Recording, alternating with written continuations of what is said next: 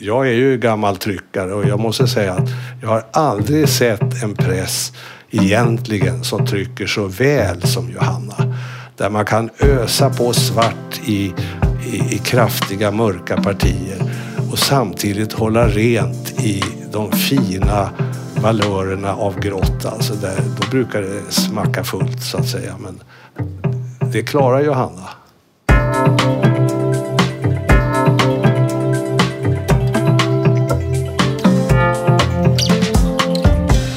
Arbetar konstnärer runt om i landet med grafik idag?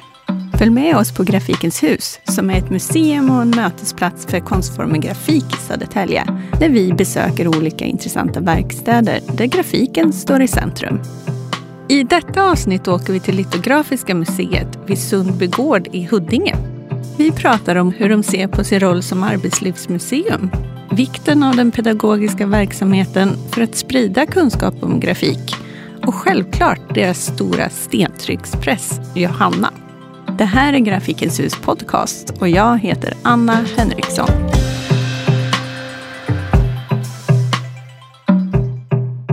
Litografiska museet är ett arbetslivsmuseum som sedan 2005 ligger på Sundby gård i Huddinge.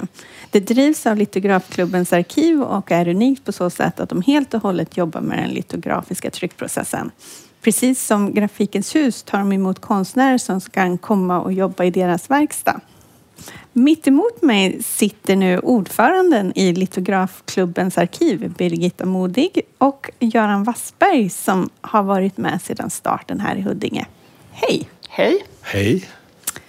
Vad är det för plats vi befinner oss på här idag?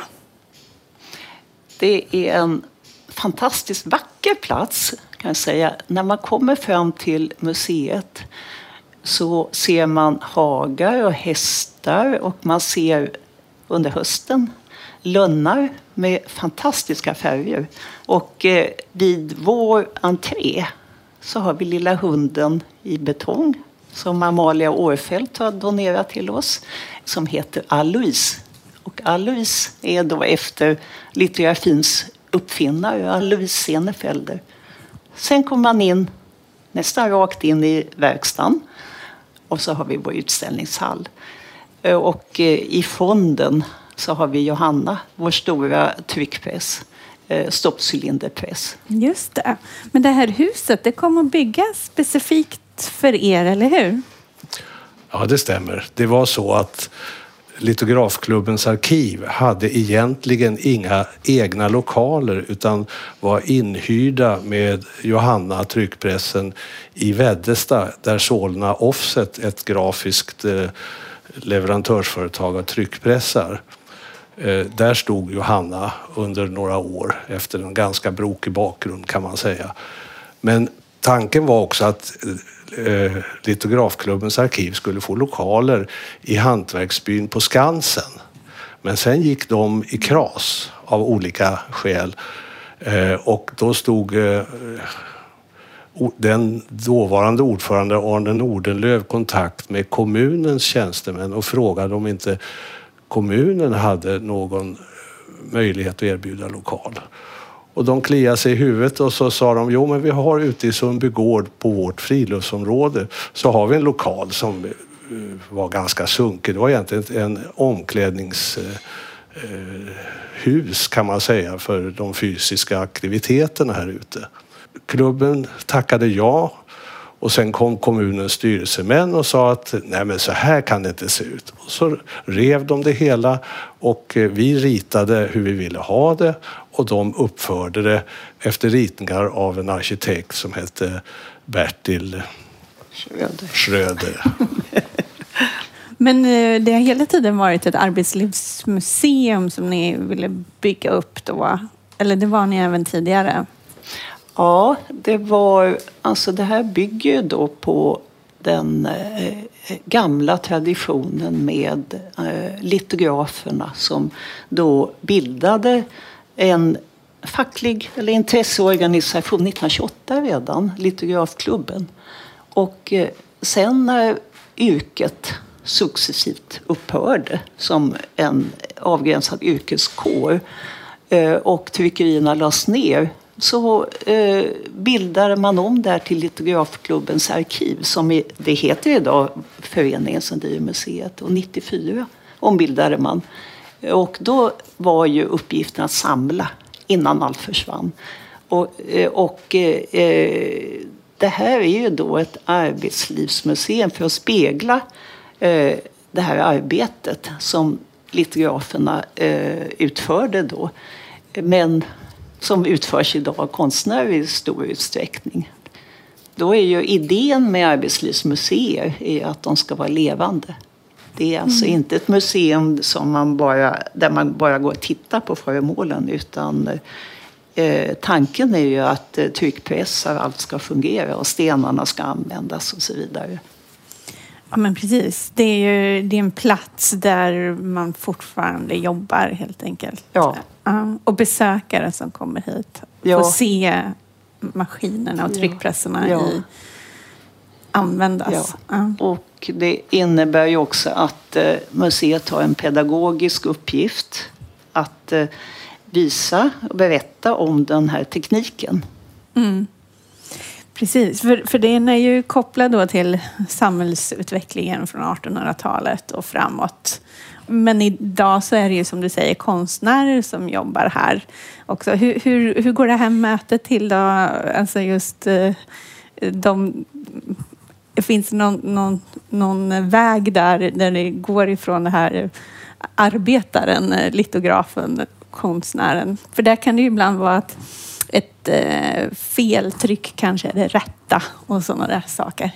Ja, alltså det är ju egentligen så här att vi som yrkesmän har ju att utföra konstnärens eh, intentioner och få dem så att säga bokstavligen på pränt.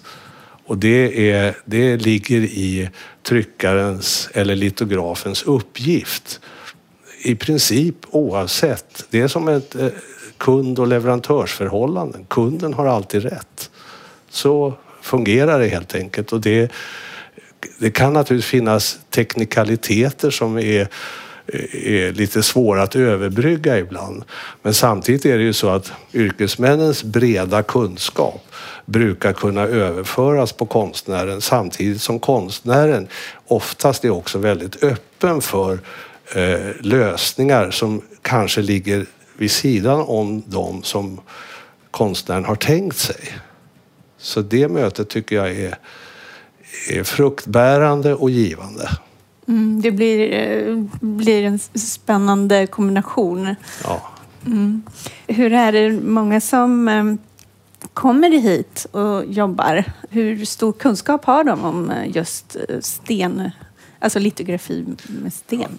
det är nog väldigt olika. En del är väl förfarna och har arbetat i, i egna ateljéer med litografiskt tryck och andra är helt nybörjare.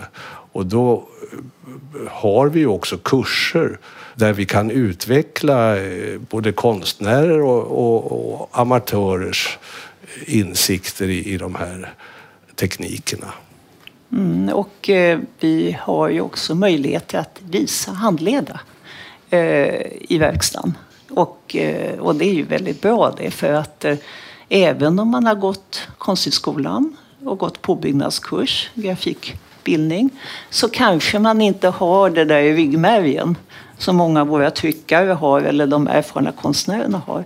Att man kan alla de här 22 stegen eller vad det nu är eh, man ska tänka på eh, utan man gör fel. Och då har vi folk här som kan visa och berätta och kanske också eh, visa hur man gör när man har gjort fel. För det händer ju också de mest erfarna konstnärerna, det blir katastrofer här. Så plötsligt så är en sten alldeles, oj hoppsan, här är en massa svart färg över hela stenen. Ja, det där måste tvättas bort. Och så kanske man måste börja om från början. Kanske inte slipa stenen, men i alla fall börja om från början. Och då är det väldigt bra att det är någon som är här och visar. Vi har ju en person anställd som är här hela tiden. Och dessutom så har vi andra som medlemmar som är här ganska mycket. frivilligt. Då. Men precis, för då blir det också att eh, ni tar verkligen en aktiv roll vad det gäller att förvalta och förmedla den här tryckmetoden genom att det finns, alltså man jobbar aldrig ensam här utan det finns alltid en kunskapsöverföring ja. som man kan ta del av. Och vi har ju också den möjligheten att eh, ge stipendier, arbetsstipendier. Så att, eh, Eh, och det är alltså det som heter då Cecilia Frysendals litografistipendium. Eh, vi inrättade väldigt snart ett stipendium här efter det att museet hade öppnats. Och det har varit eh, kanske två, tre stipendiater per år här sedan dess. Många av dem kommer tillbaka och jobbar här.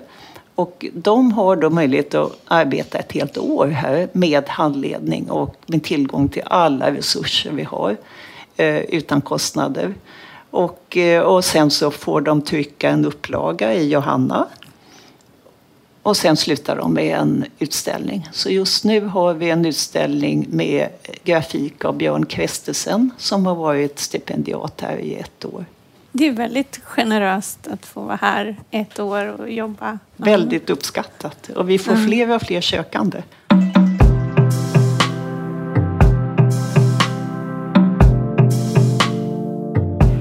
Vi oss ut i verkstaden och vi står här då vid er speciella stentryckspress som ni kallar Johanna.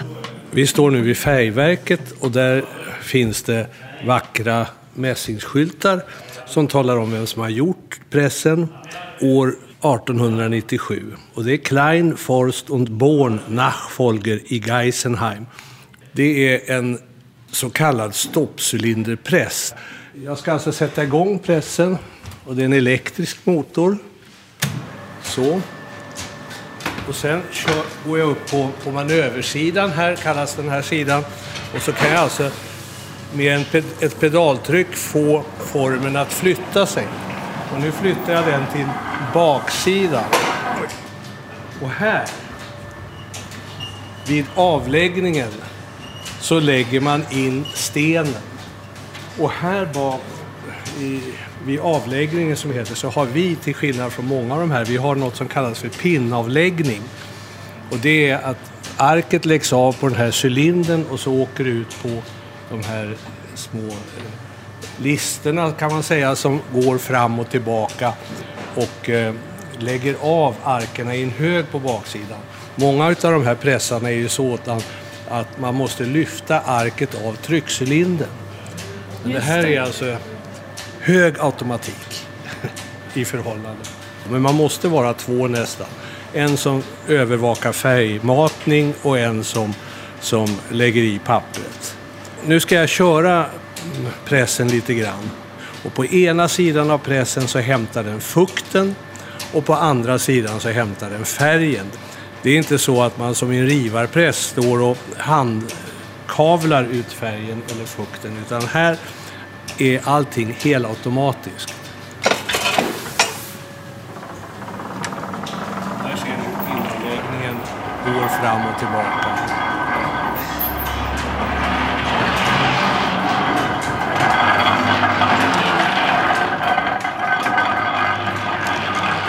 Den här, vår Johanna, är då en av de äldsta som är igång i, i, idag fortfarande och som är faktiskt i kördugligt skick. Och eh, när vi behöver hjälp så har vi eh, då våra duktiga medlemmar som har varit med om att montera upp en. Eh, men sen har vi också fått hjälp från eh, tryckare i Schweiz Eh, Eh, som har varit här ett antal gånger. Och då har vi haft workshops med honom. Ernst Hanke heter han. Han djupdyker ner i Johannas inre nästan och står med en stor sten där och etsar och eh, jobbar på ett sätt som vi inte är vana vid. Nämligen att han har inte, byter inte sten när det är ny färg utan han eh, jobbar med en och samma sten och sen lägger han till eller tar bort. Så Johanna är definitivt väldigt intressant och nästintill unik. Inte unik, men nästintill. Hur ser det ut med kapaciteten på Johanna? Johanna trycker cirka 500 tryck i timmen. Men då ska man också ha klart för sig att 500 tryck i timmen, som är en väldigt hög hastighet jämfört med rivapressarna, så är detta en färg på ena sidan av arket med två mans besättning. Och en modern tryckpress idag, den gör fyra färger på bägge sidor av arket i 15 000 ex i timmen med en mans besättning. Det är, eh, vad ska vi säga, spännvidderna mellan gammalt och modernt. Och ändå är Johanna en väldigt, för sin tid, automatiserad maskin.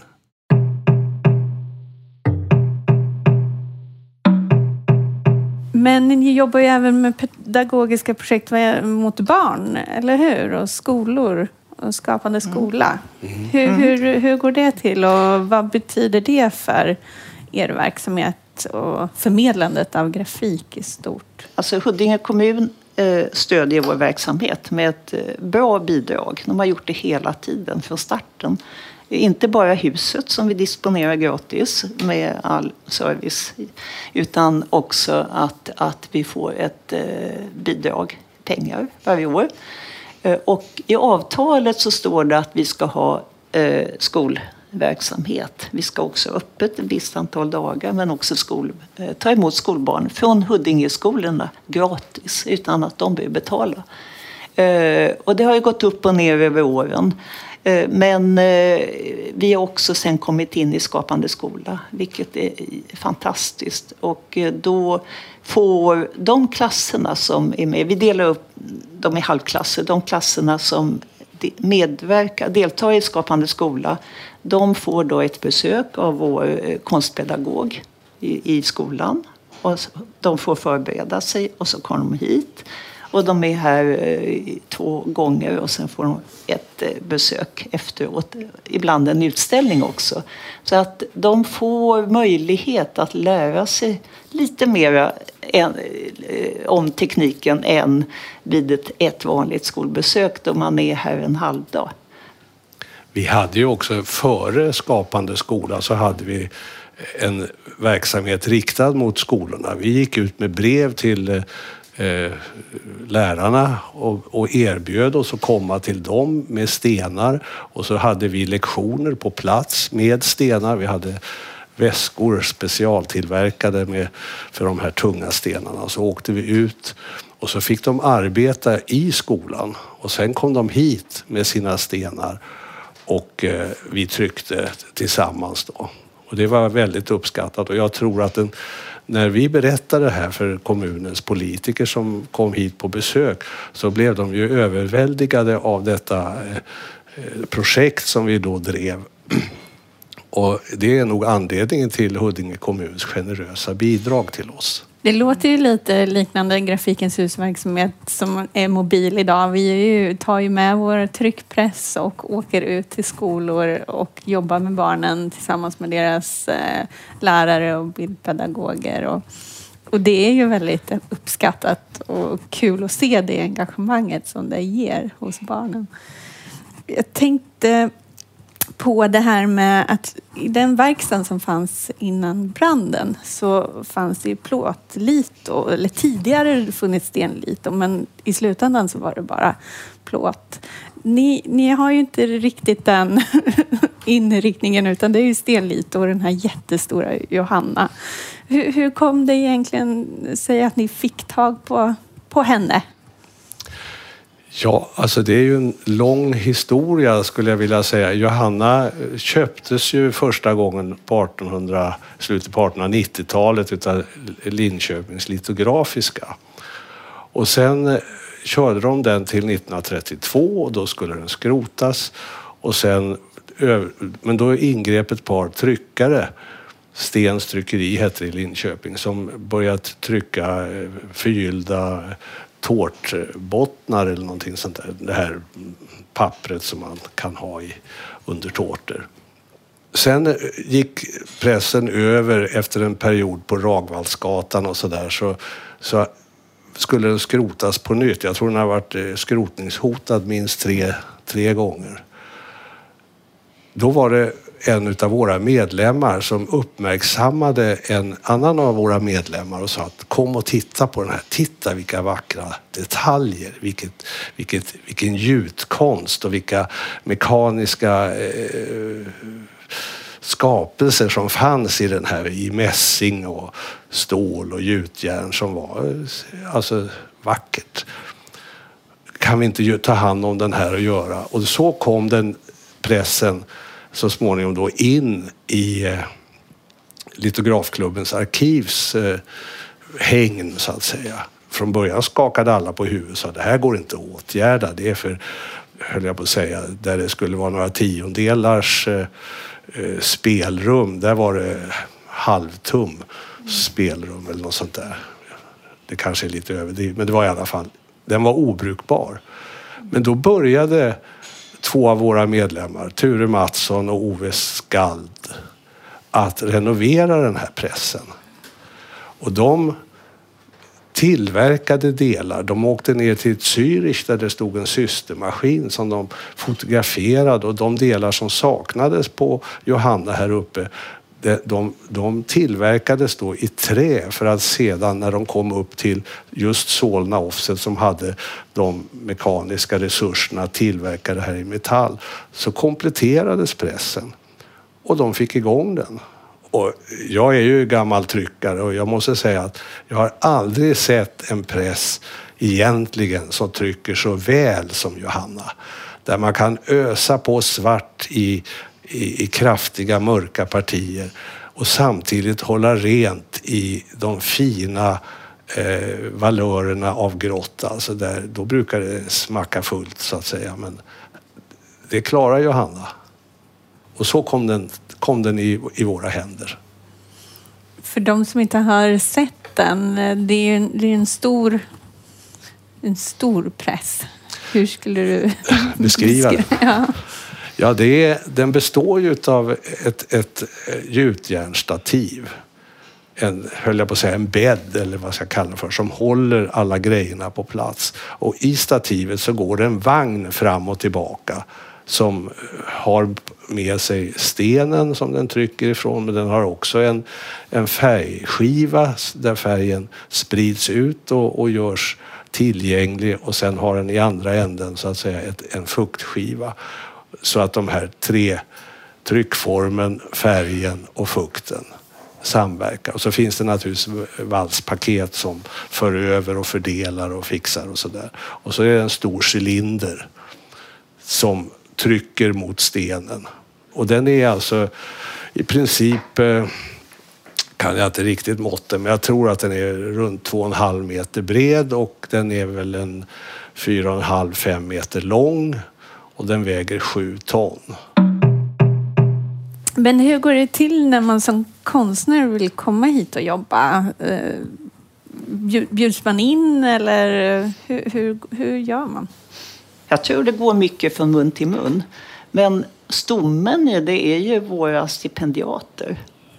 Och eh, de berättar för andra och så kommer de tillbaka och så sprids det på så sätt. Jag vi annonserar naturligtvis också eh, när vi har vernissager och eh, möjligen eh, drar dit konstnärer. Men det är ju eh, lite, lite slumpartat sådär vilka som kommer. Det beror på vilken tid, hur mycket tid de har. Sen är det så här att eh, litterafin som eh, hantverk eh, det går eh, fram och tillbaka ganska mycket.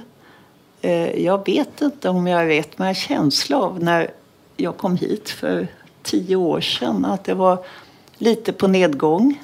Eh, många tyckte det var för jobbig teknik och eh, tidsödande. Det tar mycket tid att, att jobba med lite. Man måste ta pauser och man måste vara noggrann. Eh, och, eh, och det var väl så att eh, det var lite glest med konstnärer. Medan de stabila här har ju varit tryck tolkarna, de som medlemmar som kommer från den grafiska branschen, de har ju funnits eh, alltid här. Möjligen har det gått ner lite. Men, men, eh, men för många yngre konstnärer, så de som, av de som kommer hit, så är upp, känner de att det här hantverket, alltså hantverksmässiga i, i litografin, är väldigt spännande. De blir väldigt tagna av det, att man kan jobba med sten och med den här gamla tekniken från 1798 och de gamla tryckpressarna också. Mm. Och skapa något samtida. Ja, inte digitalt utan mm. mycket hantverksmässigt.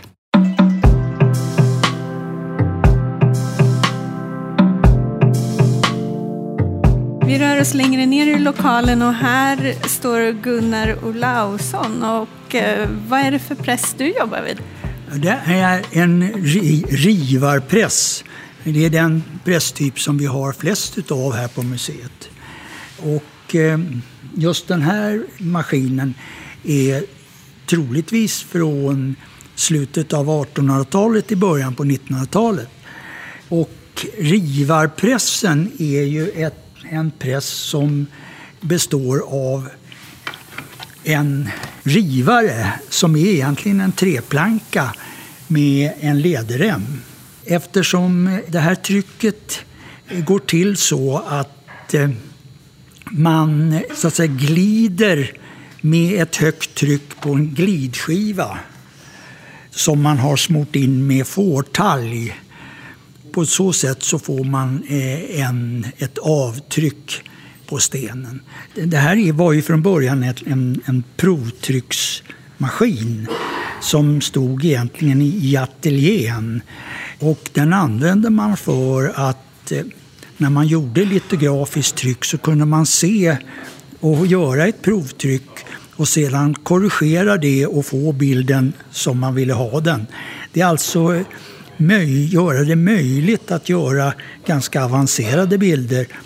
Och det enda som sätter gräns för det är ju ens egen kunskap. Vad gör du nu Gunnar? Ja, nu eh, har jag ju då färgat in stenen och lagt på eh, pappret där det ska ligga. Lägger på en däckelpapper för att det ska bli lite mjukare och en glidskiva. När det är klart så skjuter jag in vagnen under rivaren. Rivaren är en träbit med en ledrem som sitter där. Sen fäller jag ner den här, brukar kalla dem för bängen, och drar ner den. Och då får jag ett tryck på rivaren som är cirka 1000 kilo ungefär. Och sen gäller det att fatta veven och vevar tills vi har passerat det jag ska trycka. Och eh, här har jag en litet eh, stopp på den här så att det inte går för långt. Och sen så lyfter jag upp, lossar den där och sen så tar jag med handkraft och drar eller vevar vagnen tillbaka. Och sen har jag då ett tryck här som är färdigt och eh, blir mogen för att göra nästa bild. Och om man är riktigt pigg så kan man trycka ungefär 25 stycken tryck i timmen. Det är vad man orkar med. Sen gäller det att pusta.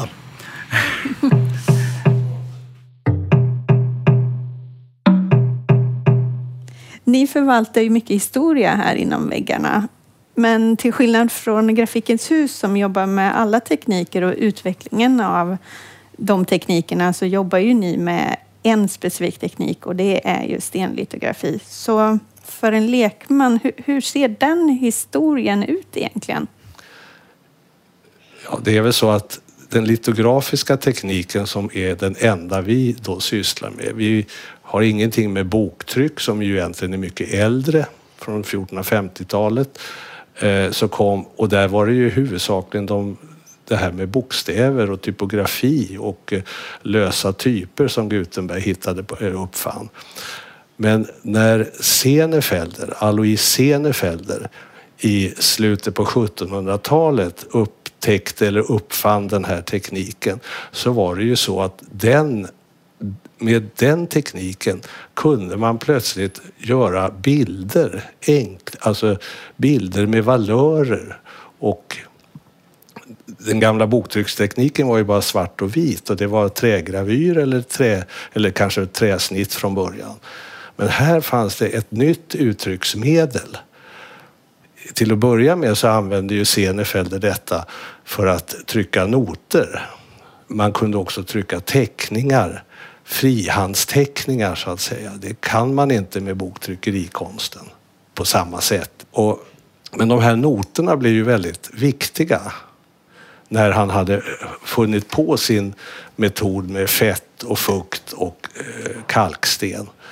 För noterna innebar att en av den tidens, om vi tar tre gubbar här, får jag hoppa lite grann, så har vi Senefelder som uppfann tekniken. Sen har vi en musikförläggare som hette Johan André som bodde i Offenbach. Och så när 1792 dog ju Mozart och eh, den här musikförläggaren var ju framåt så han företog en resa till där Mozart eh, då levde i, i Wien och eh, köpte 270 autografer, det vill säga Mozarts egenhändigt nedskrivna eh, partitur på olika De köpte han. Men på vägen till eller från Mozart så träffade han ju Alois Senefelder och insåg att den tekniken med notskrift kunde han ju få ut det här mycket snabbare än med koppartryck eller något liknande som då eh, var den tillgängliga tekniken. Mycket enklare att kunna radera en felskriven not än att hålla på och eh, fylla igen och sådär i en kopparplåt. Och då erbjöd han Senefelder att komma till Offenbach utanför Frankfurt där han hade sitt säte. Och så, så började det här samarbetet. Så jag hade inte Johan André funnits så hade det tagit mycket längre och, och Alois eh, Senefelders teknik så hade det tagit säkert mycket längre tid för Mozarts musik att slå igenom. Det är min egen lite hemsnickrade idé här. Men sen också, den här tekniken var ju då med den typ av pressar som, som Senefelder hade, en stångpress som var ganska arbetsam och tog lång tid ändå att göra, så kom det en annan märkesman från den här tiden som hette Friedrich König som konstruerade en tryckpress med den princip som vår Johanna har. Och det gjorde han redan 1810. Visserligen då för boktryck, men så småningom så utvecklade han ju den till, även till, till litografisk tryck, stentryckspressen. Och han var en mycket framåt man så han var till och med i London för att få någon finansiär. Och när han var där så byggde han Times första tryckpress, en, en dubbelcylinderpress som Times trycktes i. Sen kom han tillbaka till, till Tyskland då och började bygga och det här företaget König och Bauer, för han slog ihop sig med en tekniker som hette Eh, Bauer. Det företaget existerar fortfarande idag. Och jag har också ägt en König och Bauer-press av modernt snitt. Hur som helst så menar jag att den här kedjan utav uppfinnaren, eh, entreprenören, försäljningsentreprenören och den grafiska maskin eh, upp, eh, gjorde att den här tekniken slog igenom och blev en, en stor eh, industriell verksamhet under hela resten av 1800-talet och fram till i stort sett 1930. Så kan man berätta en historia kanske. Och det är våra samlingar här bygger på det här till stor del.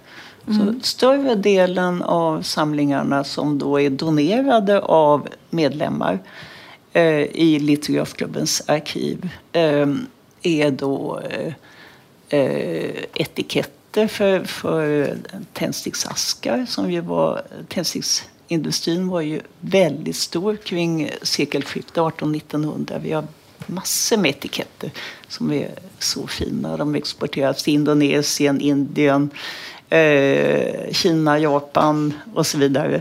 Eh, och sen är det öletikett etiketterna och alla de etiketterna, till och med plåtburkar har vi ju, de trycktes ju också i, i, som litografiskt tryck.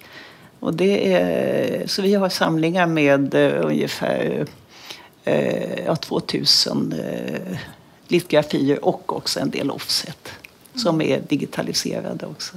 Men det är väl så här också lite grann att i, i, i vår industriella värld då fanns det ju tryckare och så fanns det litografer. Och det här var ju före kamerans tid, det får man ju också ha klart för sig. Så att litografen var ju den person som skulle överföra eh, en konstnär kom till, till tryckeriet och sa den här bilden vill jag ha tryckt eller den här bilden ska in i något sammanhang. Och då, då var det litografens uppgift att överföra konstnärens intentioner till stenen. Men här har ju litografen då egentligen fallit bort som yrkesman och konstnären träder in i litografens eh, ställe och sen överlämnar då stenen till tryckaren. Och där så är det ett samarbete där också. Så att det är ju vad ska jag säga, gamla steg på vägen som har fallit bort där konstnären intar litografens roll. Och oftast från början till slut. Ja.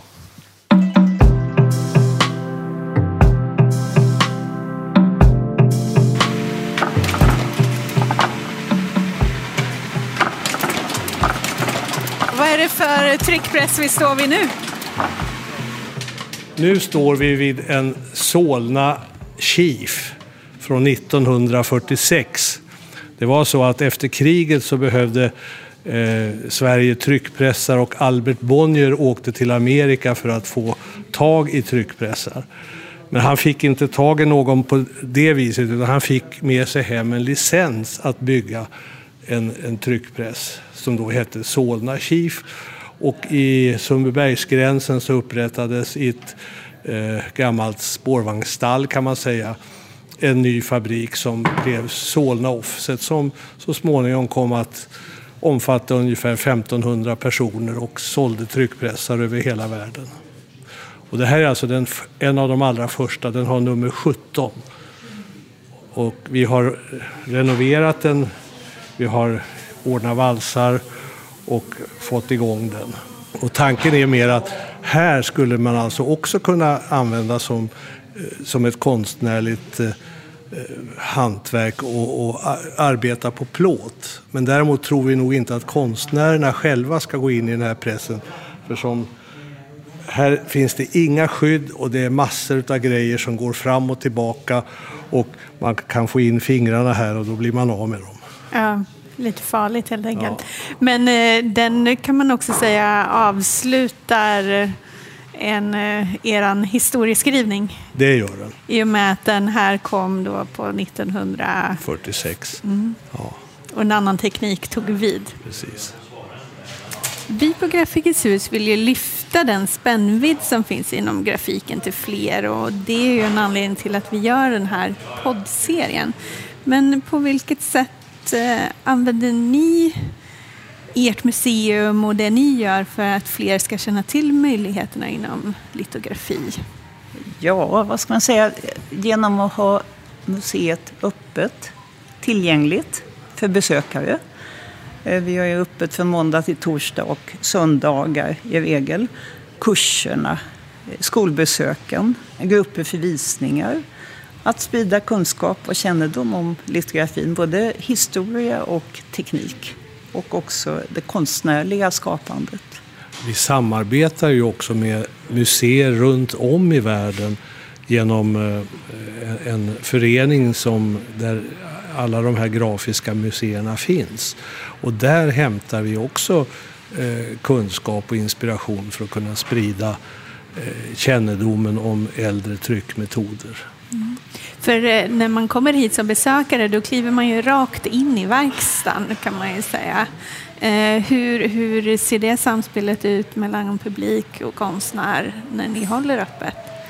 Ja, konstnärerna som jobbar här de måste vara beredda på att det kommer nyfikna människor och ställer sig runt omkring dem. De får inte jobba i fred ibland. Det, det, kan vara stora grupper eller små grupper som står och tittar och barn som springer omkring och sådär. Så de får inte känna sig störda för då funkar det inte riktigt. Då får de välja en annan tid och vara här, kanske förmiddagar när vi inte är öppet. Precis, även när vi är här idag så är det ju besökare på plats. Men eh, är det också så att konstnärer eh, kan eh, säljs det grafik till de som kommer hit? Eller, för det hörde jag en anekdot om från Mariefred att att i princip kunde besökare köpa tryck från, direkt från tryckpressen. Ja, ja vi säljer upplagor eh, av de som är tryckta Johanna, eh, ibland också av de mindre upplagorna från Rivapressar, men framförallt alla trycker Johanna säljer vi. Och också då både alltså, eh, stora konstlitor och mindre kort. Och eh, någon gång ibland så när det är något speciellt, till exempel Classic Cars som har sin stora säsongavslutning här, en, så säljer vi direkt från tryck i Johanna. Bilar förstås. Veteranbilar.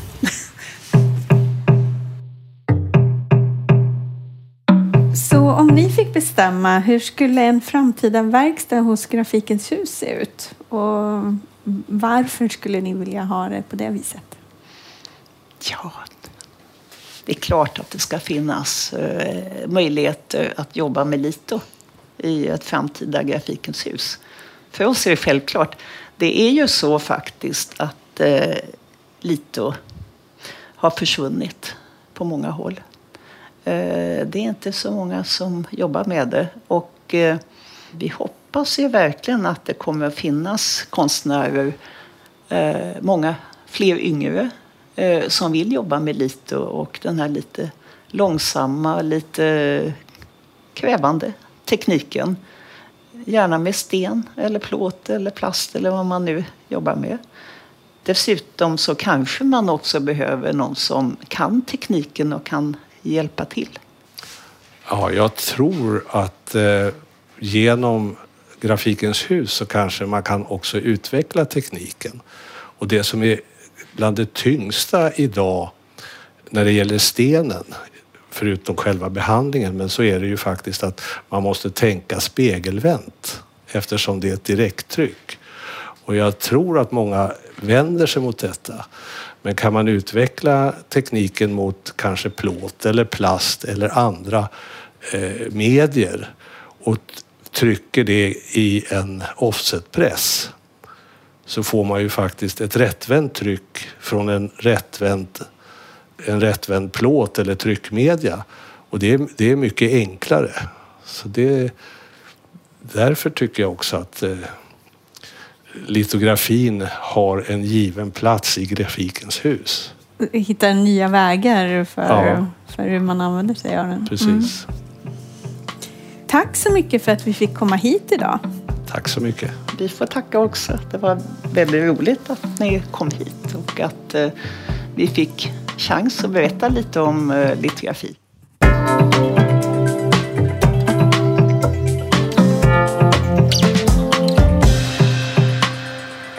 Grafikens hus följer ni bäst på Instagram och Facebook. Gilla oss gärna där, så ser ni hur vi under året fortsätter vår genomlysning av grafiken och alla andra projekt vi gör i Södertälje. Vi finns såklart också på grafikenshus.se. Tack till dig som lyssnar. Vi hörs!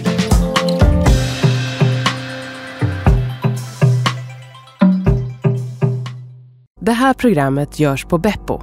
Beppo. Beppo. Beppo.se